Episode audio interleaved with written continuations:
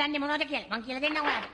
දලදේශීය ආදායම ඒක පුද්ගල ආදායමෙන් බෙදුවහම ඒකට එකතු කරන්න ඕනේ පැයට කිලෝමීටර් 60 ගානේ. එතකොට එනවා රටේ සංවර්ධන වේගය කොච්චරද කියලා. හරිද? අන්න ඉකොනොමික්ස්. එතකොට මන්න සතු ඩීලඟ චන්දයත්ම යාර්තම දාන්නේ ඕ මට ආතල් කණඩ පුලන්න මේ පොලිමෙදල නෑ අවුලක් නෑ ඔය ඒ යන විදිට මේ විදි හොඳයි මට ඉති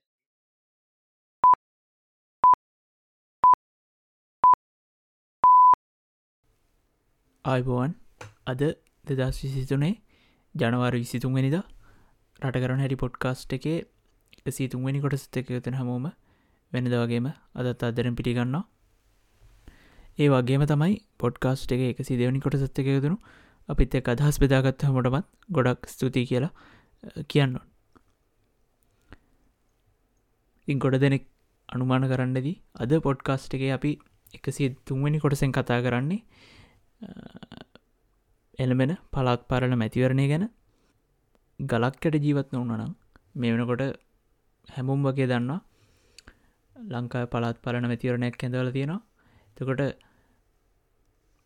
මේක තමයි මේ දවස්සල ලංකාවේ නිවස් සයිකල් එක පුරාම හැම චැනල්ල එකේම අපිට අහන්ඩ ලැබෙන මාතෘකාව. අපිත් හිතුව වැදගත් දේශපාලනක මාතෘකාවක් හන්ද සහ ලංකාවේ ඉතිරි අවුරුදු කීපයට ඉතිරි දේශපාලන දිශානතියට මේක ගොඩක් වැදගත්වෙන මාතෘකාවක් හන්ද අද පලාත් පාලට මැතිවරණය ගැන කතා කරොත් හොඳයි කියලා. ද මුලින්ම මේ ගැන කතා කරනවට අපි බලන්න ඕනේ පලාත් පාලන මැතිවරණය පවත්වන්නේ නැතුව ඉන්ඩ ඒක නවත්තන්ඩ මොන්න තරම් උත්සාහයක් ගත්තද කියෙන මුලින්ම මැතිවරණ ක්‍රමය වෙනස් කරන්න හැදුව සීමානිර්ණය කොමිසමක් දාලා ඒකෙන් ආයමත්තර මැතිවරණය පවත්වන්න පුළුවන් දවස පස්සට දාන්න හැදවා. තකොට තරුණ නියෝජනය වගේ කාරණාවල් ගෙනල්ලා මැතිවරණයට මැතිවරණ ක්‍රමයට සංශෝධන ගෙනල්ලා මේ වගේ විවිධ නීතිමය පැත්තෙන් චන්ද ක්‍රමයට දාන්න පුළන් සංශෝධන ගෙනල්ල මේ පලාත් පාලන මැතිවරණය තවත් කල්දාන්න තමයි රජය උත්සාහ කරේ. ඒක කරන්න බැරිුණාම මැතිවරණයක් ප්‍රකාශ නොකර හිටිය. අන්තිමේදී මැතිවරණ කොමිසමටම සිද්ධ වුණා රජය වෙනුවට ස්වාධීනායතනැක් හැටියට තමන්ට බලය ලැබුණට පස්සේ තමන්ට පුළුවන් අන්තිම් මොහොතේ මේ මැතිවරණය කෝල් කරන්න. එතනදී අපිට හිතන දේ තමයි සහ බෞතරයක් මේක දිහ බලගන්න මිනිස්සුන්ට හිතන දේ තමයි කොමිසම මේ මැතිවරණය ප්‍රකාශයට පත් නොකළේ සැප්තැම්බරලින්දර ඒගොල්ලන්ට මැතිවරණයක් කෝල් කරන්න බලය තිබුණත් එක ප්‍රකාශ නොකළේ රජයේ ඌමනාවට කියන එක. රජයටත් වැඩි ආණ්ඩුවේ ඌමනාවට කියන එක. නමුත් මේ වෙලාව අපි ඒක මොහොතකට අමතක් කරොත් අපි හිතන්නේ හරිමනම් මැතිවරණ කොමිසම මැතිවරණයක් ප්‍රකාශයට පත් කරන්න ඕනේ. අන්තිම් හොතේ තමයි කියන එක.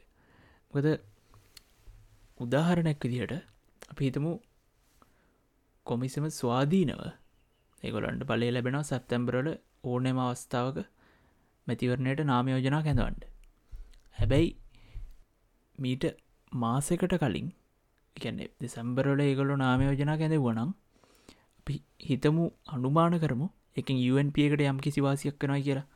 එතකොට අනිත් පක්ෂවලට චෝදනාවක් කරන්න පුළුවන් UNP එකට මේ වෙලා වාසියක් තියෙන හඳ තමයි මැතිවරණ කොමිසම චන්දි කැඳව කියලා.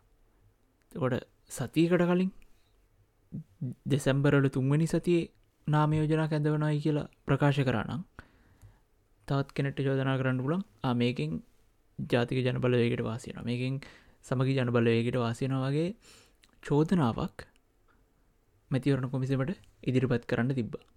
නමුත් අවසාන මොහොතේ කැඳවූ එක අවසාන මොහොතේ මැතිවරණයක් කෝල් කරප එකෙන් කිසියම් පක්ෂයකට වාසියක් කරා කියලා චෝදනා කරන්න බෑ. සාමාන්‍ය වටපිටාවක් ඇතුළේ යන්න අපි සාමාන්‍ය කාලෙකනා ලංකාව තිබුණේ. මෙම අන්තිම හොත මැතිවරණයක් කැඳවුවයි කියලා කිසිම පක්ෂයකට චෝදනාවක් කෙල්ල කරන්න බෑ. මැතිවරණ කොමිසම දිහාවට. නමුත් මේ වෙලාවේ අර පොඩි විශේෂ කාරණාවලට එකත් තිබ්බ. බහුතර ජනතා කැමැත්ත නැති පුද්ගලෙක් රට ජනාධිපති. එයා පත් කරගත්තු කැබිනට් මණ්ඩලයක් නියෝජ සහ ඒක නියෝජනය කරන ආණ්ඩුවක් තමයි රට පාලනය කරන්නේ. තකොට මැතිවරණයක් කෝල් නොකිරීම තුළින් පාලක පක්ෂයට යම් කිසි වාසියක් ඇතියෙනවා තින් ඒ ඒ කාරණාවල්ටික එකතු වුණහම මැතිවරණ කොමිසම මේ කෝල් චන්ද කෝල් කරන එක කල්දාන්න කල්දාන්ඩ ඉබේම යම් කිසි වාසියක් ආණ්ඩු පක්ෂයට යනවා. නමුත් අපි හිතන්නේ කොමිසමක් හැටියට සාමාන්‍ය වට පිටාවක ඒගොල්ලො කරන්න ඕනේ එක්කෝ රජයට අවශ්‍ය වෙලාවට චන්දය කෝල් කරන්න දෙන එක. එහෙම නැත්තං තමන්ට බලය ලැබුණට පස්සේ අවසාන මොහොතේදී ගැන්නේ චන්දය පවත්වන්ඩ අවසානම දවස් කීපයක් තියෙනනේ මාර්තුවල චන්දයක් කියලා පළත් පාලන ආයතනවල සභිකයෝ පත් කරන්න ඕනේ. ඒ පත් කරන්න ජනවාරි විසියෙක් වැනි දැන් නාම යෝජනා කැඳවන් කැඳවල් ඉවර කරන්න ඕනි කියලා එස්ටිමෙට් එකත් තියෙනවානේ. අන්නේ එස්ටිමේට් එකට අනුව ඒ අවසාන දවස වෙනකං අපි හිතනවා හරිමනක් මැතිවරණ කොමිසම මැතිවරණයක් ස්වාධීනව කැඳවියන කැඳවන්න ඕනි නැහැ කියලා. ද හෙමන වුණොත් කොමිසමේ ස්වාධීනත්වයට එතනින් යම් කිසි හානියක් වෙන්න පුළුවන්. සාමාන්‍යෙන් මේ මැතිවරණ කාල සටහනක් කියන දෙයක් අපි දකිනවා විදි දෙකකට ක්‍රියාත්ම කන එක පැත්තකින් පාර්ලිමෙන්තු ක්‍රමේ තියෙන ගොඩක් රටාලට අපි දකින දේ තමයි ෆික්ස්ටර්ම් එකක් නැහැ. අගමැතිවරයා පරදින පරදිනලාට හරි ඉල්ලස් වෙනලාට හරි අගමැතිවරයාට තියෙන බෞතරය නැතිවන ලාට හරි සාමාන්‍යෙන් සිද්ධන දේ තමයි අවුරුදු තුන හෝ හතර ඉවරහන්න කලින් පාර්ලිමෙන්තු විසිර හැරෙනවා. ඒකත් එක්කම චන්දයක් කෙනවා ඒවා ඊට පහල තියෙන ආයතනොලටත් ඒ හා සමාන එතකොට ජනාධිපති ක්‍රමයක් තිය රටල්ලට වෙනස වෙන්නේ ඇමරිකාව වගේ රටල්ලට වෙනස වෙන්නේ ජනාධිපතිරයට ෆික්ස්ටර්ම් එකත් තියෙනවා. තකොට ඒ ෆික්ස්ටර්ම් එක ඉවර වෙලා ෆික්ස් දවසක තමයි ඒ රටේ චන්දි තියන්නේ. තකොට ඒක ඊට පහලා අයතනවලටත් ගොඩක් වෙලාවට අදාළ වෙනවා. තිං මේ සිිස්ටම් දෙකේ හොඳ බැලන්ස එකක් ගණ්ඩ පුළුවන්නම් අපි හිතනවා එතෙන්දි මැතිවරණ කොමිසමක් ස්වාධීන නොයි කියලා. ඉ මේ අවස්ථාවේ මැතිවරණ කොමිසම ගත්ත තීරණය අපිට අනුව ස්වාධීන නොවනට සාමාන්‍යෙන් ස්වාධීන බවතියාගන්න නම් අපේර කලින් කිව්වගේ කොමිසමක් බලය ලැබුණු වහාම චන්දය කෝල් කරන එක අනවශ්‍ය විදිහට රටේ දේශපාලන මතයට ඇගිලි ගැසීමක් කියල තමයි අපි හිතන්නේ. ඒක එච්චර වැදගත් නැති දෙයක්. නමුත් කතා කරන්න ඕනි කියලා හිතන හඳ තමයි පොඩ්ඩ මෙන්ෂන් කරේ. ඊළඟට මැතිවරණය ප්‍රකාශ නොකරින්දලා චන්දය කල්දාන්න හැතුව ඊට පස්සේ ඒකත් බැරිවුණාම මැතිවරණ කොමිසම් ස්වාධීනව තමන්ට දීන බලයනුව මැතිවරණය ප්‍රකාශ කරට පස්සේ දැන් චන්දය කල්දාන්න හදනවා මුදල් නැහැ කියලා. මේ හැමදයටම හේතුව තමයි මේ වෙලාවේ බලය ඉන්න පොහොට්ටුවේ සහ UNPගේ පක්ෂ දෙක ඇතුළේ තමන් ගැන තමන්ට තියෙන තක්සේරු. මේ පාර චන්ද තිබ්බොත් පොහොට්ටුවට බලාගන්න පුළුවන්ගෙන තමන්ගේ හයිම් පහට මොකක්ද වෙලා තියෙන්නේ කියලා. රනිල්ට බලාගන්න පුළුවන්ගෙන තමන් ඇත්තටම බෞතර ජනතා කැමැත්තක් තියෙන ජනතා නායකෙද්දි කියලා. මේක පළත් පාලන මැතිවරණයක් වෙන්න පුළුවන්. හැබැයි අපි ඉස්සරහට පැහැදිලි කරනවගේ මෙතනදී ඇතිවන සමාජ බලපෑම දේශපාලන බලපෑම පලත් පාලන මැතිවරණයකින් එහාට ගිය එක තිගේ කොහොමුණත් අප හිතන මේ යන විදිහට සැලසුම් කරලා තියෙන විදිහටම මාර්තු මාසේ නව්වැනිදට පලාත් පාලන මැතිවරණය තියන්ඩ වෙයි කියලා. මේ පලාත් පාලන චන්දේ පලාත් පාලන චන්දකින් එහාටිගේ වැදගත්කමක් තියෙනයි කියලා අපි කියන්නේ අද වෙනකොට ලංකා වැවිල්ල තියෙන්නේ අපේ රටේ මෑති ඉතිහාසේ විශාලම දේශපාලන හැරවුම් ලක්ෂකට අපි හිතනවා තවරුදු විස්සක් තිහක් ගියාට පස්සේ මිනිස්සු දෙදස් විස්ස විස්ස පැත්තට දෙදස් විසි දෙක විසිතුන පැත්තර හැරල බැලුහම මේ අවුරුදු කීපේ දෙදස් විසින්දල දෙදස් විසිතුන විසිහත්තර විසිපාවෙනකං මේ අවුරුදු කීපය විශේෂෙන්ම දෙදස් විසි දෙක ලංකාවේ මෑත දේශපාලන ඉතිහාසේ හැරුම් ලක්ෂයක් වුණ අවුරුද්ධ හැටියට දකීවි කියලා නිර්වචනය කරා කියලා අපි හිතනවා. අපි මීට කලින් පොඩ්කාස්ට එපිසෝඩ් එක ඔකොලන මතකති ස්ටටස්කෝය ගැන කතා කර. අන්නේ ස්ටටස්කෝයක විශේෂම දේශපාලනික ස්ටටස්කෝයක විනාශ කරන්න. එක වෙනස් කරන්න. නිදහස් විදිහට දේශපාලන දිහ බලන්ඩ මිනිස්සු පෙළමුණ අවුරුද්දක් තමයි දෙදස් විසි දෙක කියලා කියන්නේ. ඒක හන්දම තමයි ආණ්ඩුව මේලා චන්දකට ඇන්නත් බයි පුරුදු දේශපාලන ක්‍රමය ගැන ජනතාවගේ තියෙන අප්‍රසාදය. ඒ ඒකට තමන් ගැන තියෙන ඒ ගැන තමන් ඇතුළ තියෙන අප්‍රසන්න හැඟීම ප්‍රකාශ කරන්න ලැබෙන නිත්‍යානුකූල අවස්ථාව තමයි මේක. උද්ඝෝෂණ කිරීමත් නිත්‍යානුකූල අයිතියක් තමයි. නමුත් ඒක අර පොඩි විජලෑන්ටි ගතියක් තියෙනවා. නිකං බැට්මෑන් ගිහිල්ල හොරුන්ට ගහනාවගේ තමයි අරගලයි කියන එක. පොලිසි ඇවිල්ලා ජෝකර මාංචුදාලා අරංගන වගේ තමයි චන්දකින් ආණ්ඩුවට තමන්ගේ අප්‍රසාදය පල කරන්න මේ අවස්ථාවක් ලැබෙන ගෙන ඉතින් එහෙම අර ඔෆිසිියලි ආණ්ඩුවකට සහ දේශපාලන ක්‍රමයකටම තමන්ව අප්‍රසාදයට ලක්වෙලා තියෙනවා කියලා පිළිගණ්ඩ වෙන මුල්ම අවස්ථාව මේක තමයි. නිල වශයෙන් පිළිගන්න වෙන මුල්ම අවස්ථාව මේක තමයි. ගෝටාබේට කියන්න පුළුවන් මේ කොහෙද යන්න මිනිස්සු දහක් දෙදහක් මේ UNPකින් NPපයකින් සංවිධානය කරලා අරලිහා මන්දිරයට දාලා තමයි මට ජනාධිපතිකම ඇතරල ඇන්නුනේ කියලා. එයාට එහෙම තවරුදු හතර පහකින් කියන්න පුළන් එතා පොතක් ලියයි ඔය අජිත් නිවර් කබ්‍රාල් පොත් ලිව වගේ මිනිහත් තවරුදු කීපයකින් නමුත් දෙදස් විසි දෙක චන්ද පැරදුනාට පස්සේ රනිල් වික්‍රම සිංහට කියන්න බැහැ. එන්පපගෙන් ඇල්ල මිනිස්සු මෝහණය කර සමග ජන බලයගෙන් ඇල මිනිස්සු මෝහණය කර.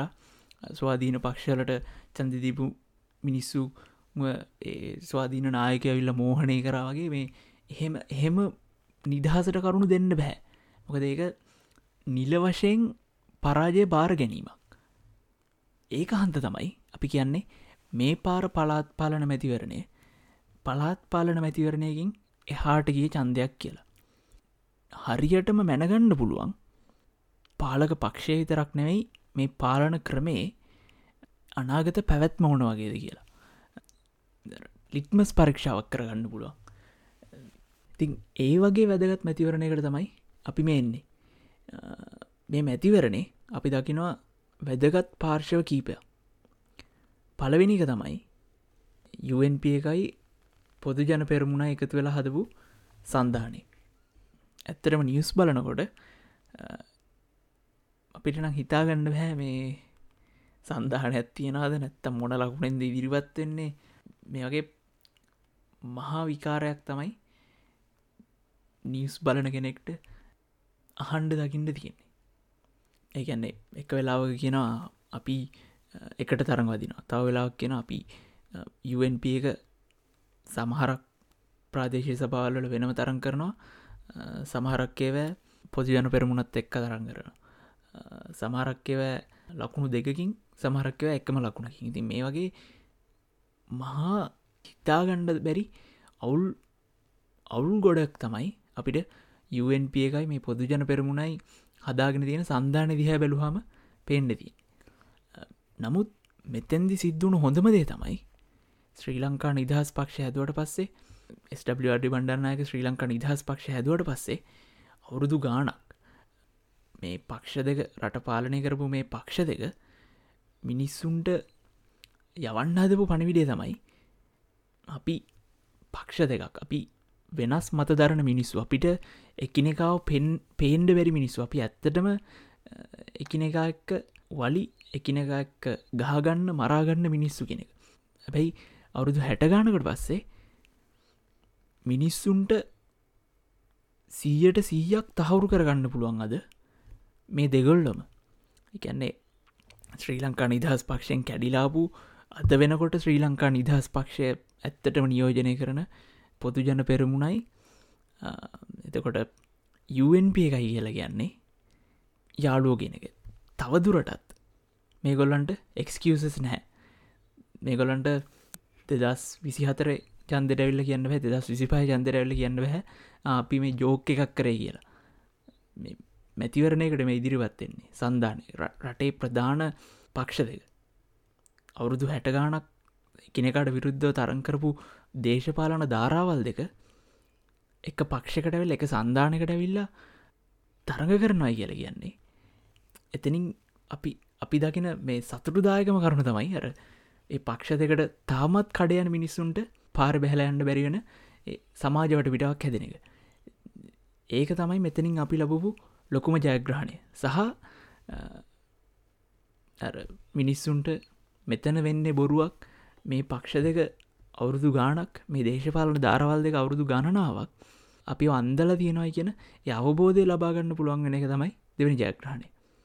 තිං අපිට හිත නිතියට මොනවා මෙකැන අපි මේ ප්‍රඩිට් කරන මොනව ශුවර නැති වුණත් අපිට ශුවර්ම දේ තමයි සීහිට සීයක් ශුවර දේ තමයි පොහොට්ටුව දෙදස් දහටේ අන්තිම පලාත් පාලන මැතිවරණයේදී ඒගොලන්ට තිබ ජනතාආකර්ශණය තකොට ඒකොල්ලෝ ජනාධිපතිවරණයේදී මහමැතිවරණයේදී ඒගොල්ලො ගත්ත ජනතා රැල්ල බොහෝම ඉක්මනට ඒගොලන්න බලාගන්න පුළන් කොහොමද හීන වෙලා යන්න කියලා අඩු වෙලා යන්න කියලා. හැබැයි රනිල්ට ගිය පාර මහමැතිවරණයේදී ගෙදෙට් වෙලා නිපු සමහරක් කිවන්ප කාරයන්ව එලියට ගණඩ පුළුවන් වේ කියලා අපි හිතනවා. ස්ටැත්ස් වශයෙන් ගත්තොත් අන්තිම පලාත් පාලන මැතිවරණ තිබේ දෙදස් දහටේ ඒගෙදී එතෙන්දි තමයි මේ පොහොට්ටු රැල්ල හැදෙන්ඩ පටන් ගත්තේ. ජනාධිපතිවරණයකට එන්ඩෝනේ පාර කැපුණේ එතෙන්දි පොහොට්ටුව සියට හත්තලියක් ගන්න. UNP එක ගන්නේ සියට විස්සක් වගේ ප්‍රතිශතයක්. එතකොට ඒ වෙලා සමග ජන බලවේගයක් තිබුණ නැහැ. අපි හිතනවා මේ පාර පොහොට්ටුව UNP එක එකතු වෙලා හදන මේ සන්ධානට සරල වශයෙන් ගත්තොත් සියට විස්සක් විසි පහක් අතර ප්‍රතිශතයක් අරගණ්ඩ පුළුවන් වේ කියලා මේ පක්ෂ දෙකට එකතු වෙලා. දැන් අපි මේක ප්‍රතිශත හැටියට කියනකොට කෙනෙක් කියන්න පුළුවන් මෙතන තියෙන්නේ පලාත් පාලන මැතිවරණයක්. මෙතන තීරණය කරන්නේ පළත් සභාවල් මිසක් ජනාධිපතිවරණයක්ගේ මුළු රටක්ම එක කොට්ටාශයක් කරලා මේ පක්ෂක ප්‍රතිරූපයක් මනිනා නෙවෙයි කියලා. හැබැයි අපිට ඇතෙන්දි කියන්න තියෙන කාරණාව තමයි අද වෙනකොට මේ රට ඇතිවෙලා තියෙන දේශපාලන වෙනස්වීමත් එක්ක කලින් කිවෝ වගේ මේක තවදුරටත් පලාත් පාලන මැතිවරණයක්ම නෙවෙයි. මෙතෙන්දී අපි හිතනවා ජනතාව තමන්ගේ පලාත් පාලන අයතන දිනන්නේ කවුද කියනට වැඩිය? රටේ සමස්ත ප්‍රතිශතය ගන්න කවුද? එහෙම නැත්තං ප්‍රතිශතය ගන්න කියන පහල කාරණාවට වැඩිය. කොච්චරක් මිනිස්සු අතර මේ ආණ්ඩුව අප්‍රසාදයට ලක්වලා තියෙනවද නැද්දි කියෙන කාරණාව මෙතනින් මැන ගනිවි මේ ප්‍රතිශතවලින් මේ අංකවලින් ඒගොලු මැන ගනිවි ඉතින් ඒක තමයි අපි මේක මේ ප්‍රතිශත ගැන කතා කරන්න හේතුව. ඊළඟට අපි කතා කරන්න ඕනේ හෙලිකොප්ටර එක ගැන. එහෙමනත්තං ශ්‍රී ලංකා නිදහස් පක්ෂ නියෝජනය කරන ඩලස්ලා ජල් පිරිස්ලා විමල්ල නියෝජනය කරන නිදහස් ජනතා සංධානය. මෙයාලගෙයි රනිල්ලගේ අතරේ අපි හිතන්නේ වෙනස තියෙන්නේ අ පක්ෂය ලක්ුණෙක් විතරයි. රනිල්ලට තියෙන ජනතා අප්‍රසාදය ඒ විදිහටම මෛත්‍රීපාලලටත් ඩලස්ලටත් විමල් වීරවංශලටත් අනුර ප්‍රියදර්ශන යාපලටත් තියෙනවා. ඉතිං මෙතන හැබැයි පර්සනෑලිටි වයිස් ගත්තාම අප හිතනවා ඩලස්ලට ඉන්න ඒගොල්ලන්ගේ මීඩියා ටීම් එක ඒගොල්ලන්ට ඉන්න පබ්ලිසිටි ටීම් එක ඩලස්ලගේ ප්‍රතිරූපය වෙනම ලෙවල් එකක තියන්න බොහොම දක්ෂයි කියලා ඉතින් එතෙන්දි සමහරක්විට ඩලස් පොඩ්ඩක් ආකර්ශණ ඇතින් මේ පක්ෂය අර එකොළන්ගේ ප්‍රතිරූපය ඇතින් පොහොට්ටුවට ඩිය යුවන් පියකටඩිය යම් තරමක් ඉදිරියෙන් ඉන්න කියලා අපි හිතෙනවා. නමුත් ඒක චන්දවලට හැරේ කියලා හිතාගන්න අමාරුයි. මොකද මෙත් මේ පක්ෂ නායකයෝ ගත්තාම මෛත්‍රීපාලල ඩලස්ලා අනුර ප්‍රියදර්ශනයාපල ජල් පිරිස්ල මේගොල්ල හැමෝම් වගේ ජාතික මට්ටම නායකයෝ. මේ කවරුවත් ප්‍රාදේශය නායක නෙවේ පොදු ජන පෙරමුණ ගත්තා මේ ගොල්ලන්ට ඉන්න සනත් නිශාන්ත වගේ ගොං ඩෑල් තමයි. ප්‍රතිපත්තියක් නැති ප්‍රතිපත්තියක් කියන්න මොකක්ද කියල දන්න ඇති මිනිස්සු තමයි.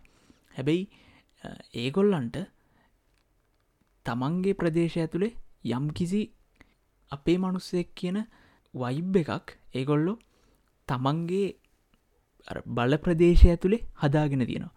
සාම්ප්‍රදායික දේශපාලන සංස්කෘතියක් ඒගොල්ලොවට හැදිල තියෙනවා. හැබැයි ඒ ඩලස්ලට ඒ අනුල අනුරු ප්‍රියදර්ශනට එච්චරටම අදාළ වෙන්න හැ කියල තමයි අපි හිතන්නේ.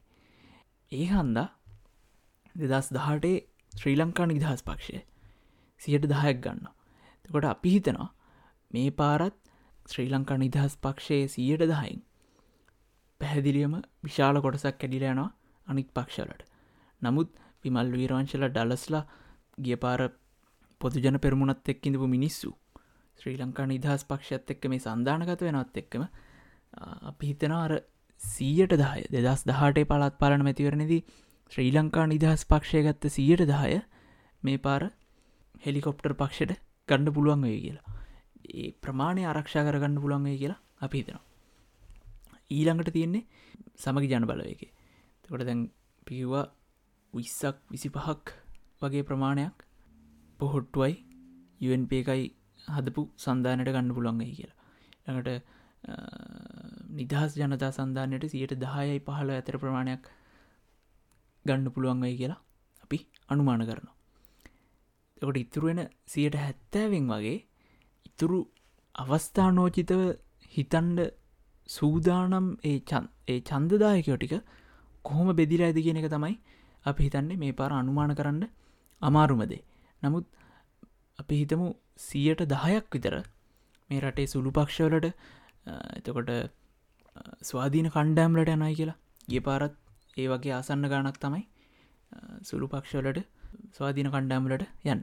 තකොට ඉතුරු සියට හැටෙන් අපි හිතනවා සමගි ජන බලවේගයට සියට විස්සක් විසි පහක් සමහරක්කට සියට තිහක් වගේ ගන්න පුළන්ගේ නමුත් හොඳටම චන්ද කැම්පෙන් එක කරගෙන කියෝ නමුත් පක්ෂය ඇතුළම තියෙන බේදහන්ද අපි හිතනවා ඒගොල්ලන්ට සාර්ථක විපක්ෂයක් වෙන්ඩ සාර්ථක මතයක් ඉදිරිපත් කරන්න මේ පාර අවස්ථාවක් තියෙනකන්න නැහැ කියලා. උදාහරණයක් විදියට ෆොන්සේක බනිනවා එයාට කියන්නතු ගම්පා රැස්සින් තියෙනවා කියලා. කළුතුරට ගිහාම ඒ සංවිධා කළ මරාගන්නවා පස්සේ සංවිධා කළ ගිහිල්ලා ජාතික නායකැන්ට බනිනවා. ජාතික නායකඇවිල්ල කියෙන පක්ෂ චන්ද තියන්න ඕන්න හැ කියලා. තව කට්ටයක් කියෙන චන්ද තියන්න ඕනි කියලා. ඉතින් මේ වගේ පක්ෂය ඇතුළේ චන්දයට මාස දෙකත්තියාගෙන මෙච්චර වලිදියනවා නම් චන්දලං වෙනකොට තව කොච්චර බෙදීම ඇතිව ඉතින් එහෙම එහෙම දෙයක් එහෙම බෙදීම් මැනේජ් කරන්න පුළුවන් මහින්ද 2009 වර්ෂන් එක වගේ මාකට් කරන්න පුළුවන් චරිතයක් පක්ෂක නායකයෙක් වුණානම් ඒක හොඳ ඒ රටේ දේශපාලනයට රටේ යහ පැවත්මට හොඳයි කිය රනවෙයි නමුත් එහෙම මාකට් කරන්න පුළුවන්. ලොකු පර්සනෑලිට එකත් තියෙන පුද්ගලෙක් එක්ක පක්ෂ ඇතුළ තියෙන පොඩිපොඩි වලි ඒව නිකං අර්ලිග මන්දිරයට කැඳවල නායකයක් ඔෆිස්ස එකට කැඳවල සද්‍යයක් දාලා විසඳන්න පුළන් ප්‍රශ්න. නමුත් සජිත් කියල කියන්නේ එහෙම පර්සනැලිටිකන් නෙමෙයි. එකන්නේ මාකට් කරන්න පුළන් පර්සනැලිටිකන් නෙමේ පිහිතන්නේ එයාට තේරෙන්න්නෙත් නැහැ සජිත්ත තේරෙන්න්නෙත් නැහැ. එයා කරන සමහරක් වැඩ ක්‍රින්ජ් කියලා. ඩ්‍රම් ගහනවා බස්සෙලෝනවා ක්‍රිකට් ගහන බාස්කට් බෝල් ගහනවා. ඒ දණ්ඩ යනවා. ඒවා හොඳයි මේ එහෙම බලාපොරොත්තු වන චන්දදායකෝ ටිකක් නම් ඒ ඇඩ්‍රස් කරන්නේ. හැබැයි සජීත්ගේ බේස් එක සජිත් නියෝජනය කරන්නේ එක්සත් ජාතික පක්ෂය සාම්ප්‍රදායකව නියෝජනය කරපු චන්දදායකෝටික ගොඩක් කලාට රටේ මධ්‍යම පාන්තික මිනිස්සු. එහෙමනත්තං සජිත්ගේ තාත්තකින් ගෙවල් ගත්ත මිනිස්සු. හැබැයි ඒ මිනිස්සු බලාපොරොත් වෙන්නේ හර්ෂද සිල්ලෝගේ නමුත් හර්ෂද සිල්ලට වැඩිය ටිකක් හොඳර කතා කරන්න පුළන් මනුස්සෙක්. සජිත් ඇතුළේ එහෙම පර්සනලිට එකක් නැහැ වගේම හර්ෂද සිල්වාගේ දැක්මකුත් නැහැ. එයා හිතන්නේ තමන්ගේ තාත්තා රටේ ජනාධිපති වුණු හන්ද තමන්ට මෙතනර පියවුරුමයක් තියෙනවා. අ, මේක තමන් නාමල් රාජපක්ෂලා වගේ ඉපදෙනකොට උරුම කරංආපු බූදලැක් කියල තමයි එයා හිතන්න ඉතින් එහෙම නායකෙක් එක්ක බෙදීම් තියෙන පක්ෂකට විස්සකට විසිපහකට එහාගේ ප්‍රතිශතයක් ගණ්ඩ අමාරුයි කියල තමයි අ, අපි හිතන්නේ. ඊළඟට අපියනවා මේ මැතිවරණය අපි දකිනිතියට ලොකුම වාසියක් තියෙන දේශපාලන පක්ෂ දිහාට ජාතික ජන බලවේගේ මොනොහරි හේතුවක් කලා මේ චන්දයෙන් බහුතරය ගත්ත නැතත් චන්දය තියාගන්න පුළුවන් වුණොත් තියාගන්න පුළුවන් වුණ කරුණෙන් පවා ඒගොලන්ට ලොකු පන්නරයක් ගන්න පුළුවන් කියලා අපි හිතනවා. අ, ගිය පාර දෙදස් දහටේ පලාත් පාලන මැතිවරණදී සියට පහයි. මේ සියට තුනට වැටෙන්ඩ කලින්. මේ පාර අපි හිතනවා මේ පාර අපි හිතනවා සියට හත්තලිස් පහ සියට තිස් පහ වගේ ප්‍රතිශතයක්. ඒ අතර ප්‍රතිශතයක් ඒගොලන්ට අනුමාන කරන්න ඒගොලන්ට ගණ්ඩ පුළුවන් වෙයි කියලා. හැබැයි මෙතන අපිට ලොකු ගැප්ප එකත් තියෙන්ටෙනවා මොකද දෙදස් දහටේ සීයට පහකින්දපු පක්ෂයක්. මෙහෙම ලොකු පිම්මක් පනිනා අපි පොදු ජන පෙරමුණ වනත් සමගි ජන බලවේග වනත් ඒගොල්ලො නියෝජනය කරේ එක්කො සාම්ප්‍රදායික ශ්‍රී ලංකා නිදහස් පක්ෂ මතය. ඒ බේස් එක. ඒ බේස් එක කඩන් ඇවිල් හදපු පක්ෂයක්. එහෙම නැත්තං UNP නියෝජනය කරපු බේස් එක කඩන් ඇවිල් හදපු පක්ෂ. එතකොට ඒ පක්ෂ දෙකේ තියෙන සර්කම්ස්ටාන්සසයි මේ වෙලාවේ ජාතික ජන බලවේග ඇවිල්ලා දෙදස් දහට ඉඳලා මේ අද වෙනකොට ඒගොල්ලෝ ඇවිල්ල තියෙන තැනයි අතරේ යම් කිසි වෙනසක් තියෙන ලොකු වෙනසක් තියෙනවා. තින් ඒ කාන්ද තමයි අපි හිතන්නේ හරියටම ප්‍රඩිට් කරන්න බැරි ජාතික ජනබලවේගේ මොනවගේ චන්ද ප්‍රමාණයක් ලබා ගනීද කියලා. අපි හිතන දියට ජාතික ජනබලවේගේ ජනප්‍රියත්වයට මූලිකම හේතුවක් වෙන්නේ ස්ටටස් කෝයකට විරුද්ධව ජනතාවගේ ප්‍රතිරෝධයක් කෙන වෙලාවේ මිනිස්සු රාජපක්ෂලට විරුද්ධව රනිල්ලට විරුද්ධව අ, උද්ඝෝෂණ කරන වෙලාවේ ඒකට ලඟිම්ම ගියපු අදහස් දරන පක්ෂව පක්ෂය ජාතික ජනබලවයගේ වීම එතකොට අ, මිනිස්සුන්ට ප්‍රධාන පක්ෂ දෙක එපාවෙනකොට එයාලට පේන්ඩ පඩන්ගන්න ජනතාවයුක්ති පෙරමුණ මේ ප්‍රධාන පක්ෂ දෙකේ තියෙන මිත්‍රකම් යාළුකම් මේගොල්ලන්ගේ තියෙන ඩීල් ගැන ඊට අවුරුදු ගණනාවගෙනම් කිව්වයි කියලා. නමුත් අ, ඒකත් එක්කම විපක්ෂ අනිත් ඔප්ෂන් දිහ බැලුහාම ඒගොල්ලන්ට පෙන්නේ සමගි ජනබලයගේ සමගි ජනබලවේගේ ඇතුළෙන් ලක්ෂ්මන් කිරියල්ලලා රාජිතලා සජිත්ල වගේ සුපුරුදු දේශපාලනයම කරපු ම්, එපාම වුණු දේශපාලන කොටස්කරුව විතරයි. ඉතිං හෙම වටපිටාවක ඔප්ෂන් නැතිවෙන එකම ජාතික ජනබලවේගයට ලොකු ආසියක්. නමුත් මෙතැන්දී ඒකත් එක්කම අපි දකිනා දැර ලොකු දේශපාලන වැැකුම් එකත් තියෙනනේ ඒකනේ තුන්වැනි පාර්ශවයක් හැටියටඳු ජාතික ජනබලවේගයට මේ පර ලොකු ෆෝස් එකක් වෙන්න පුළන් වෙලා තින්නේ ඒ වැැකුම් එකත් එක්ක ගොඩාක් ස්වාධීන පක්ෂ ගොඩක් ස්වාධීන කණ්ඩායම් අපි හිතනවා ජාතික ජනබලවේගේ පුරුවන් හදන ඒ වැැකුම් එක පුරුවන්ඩම උත්සා කරයි කියලා. එතකොට එතෙන්දී ජ- අ, ජාතික ජන බලවේගයට සහ සමගි ජන බලවේගයට ආණ්ඩුවත් එක්ක තරං කරන ගමම්ම අර ස්වාධීන කණ්ඩෑම් එක්කත් තරඟ කරන්න සිද්ධනොයි කියලා අපි හිතෙනවා.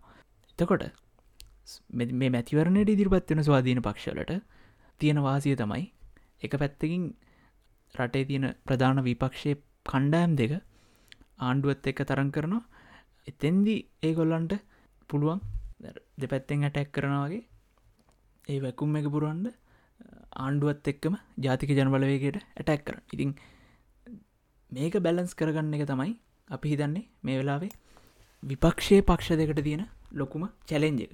හැබැයි කොහොමුණත් අපි හිතනවා පෞද්ගලිකව ජාතික ජනබලවගේ වගේම ජවප එකත් පක්ෂයක් විදිහට මේ වෙලාවේ මහින්ද රාජපක්ෂකින් වෙංගුණට පස්සේ මහින්ද රාජපක්ෂක් හද පාන්ඩුවෙන් වෙංගුණට පස්සේ ඒ කාල සීමාව ඇතුළේ ඒගොල්ලො තියෙන ඒගොල්ලො කරලා තියෙන අ, කැපකිරීමත් එක්ක සහ පහුගිය අවුරුදු දෙකේ ඔවුන් සංවිධානය වුණු විදිහත් එක්ක ඒ වගේම තමන්ගේ පණිවිඩය මිනිස්සු අතරට ගෙනියන්ඩ එකොල්ලො හදපු කැම්පේෙන් එකත් එක්ක මේ චන්දෙදි ලොකු ප්‍රගතියක් ඒගොල්ලන්ට බලාපොරොත්තු වෙන්න පුළුවන්ගයි කියලා.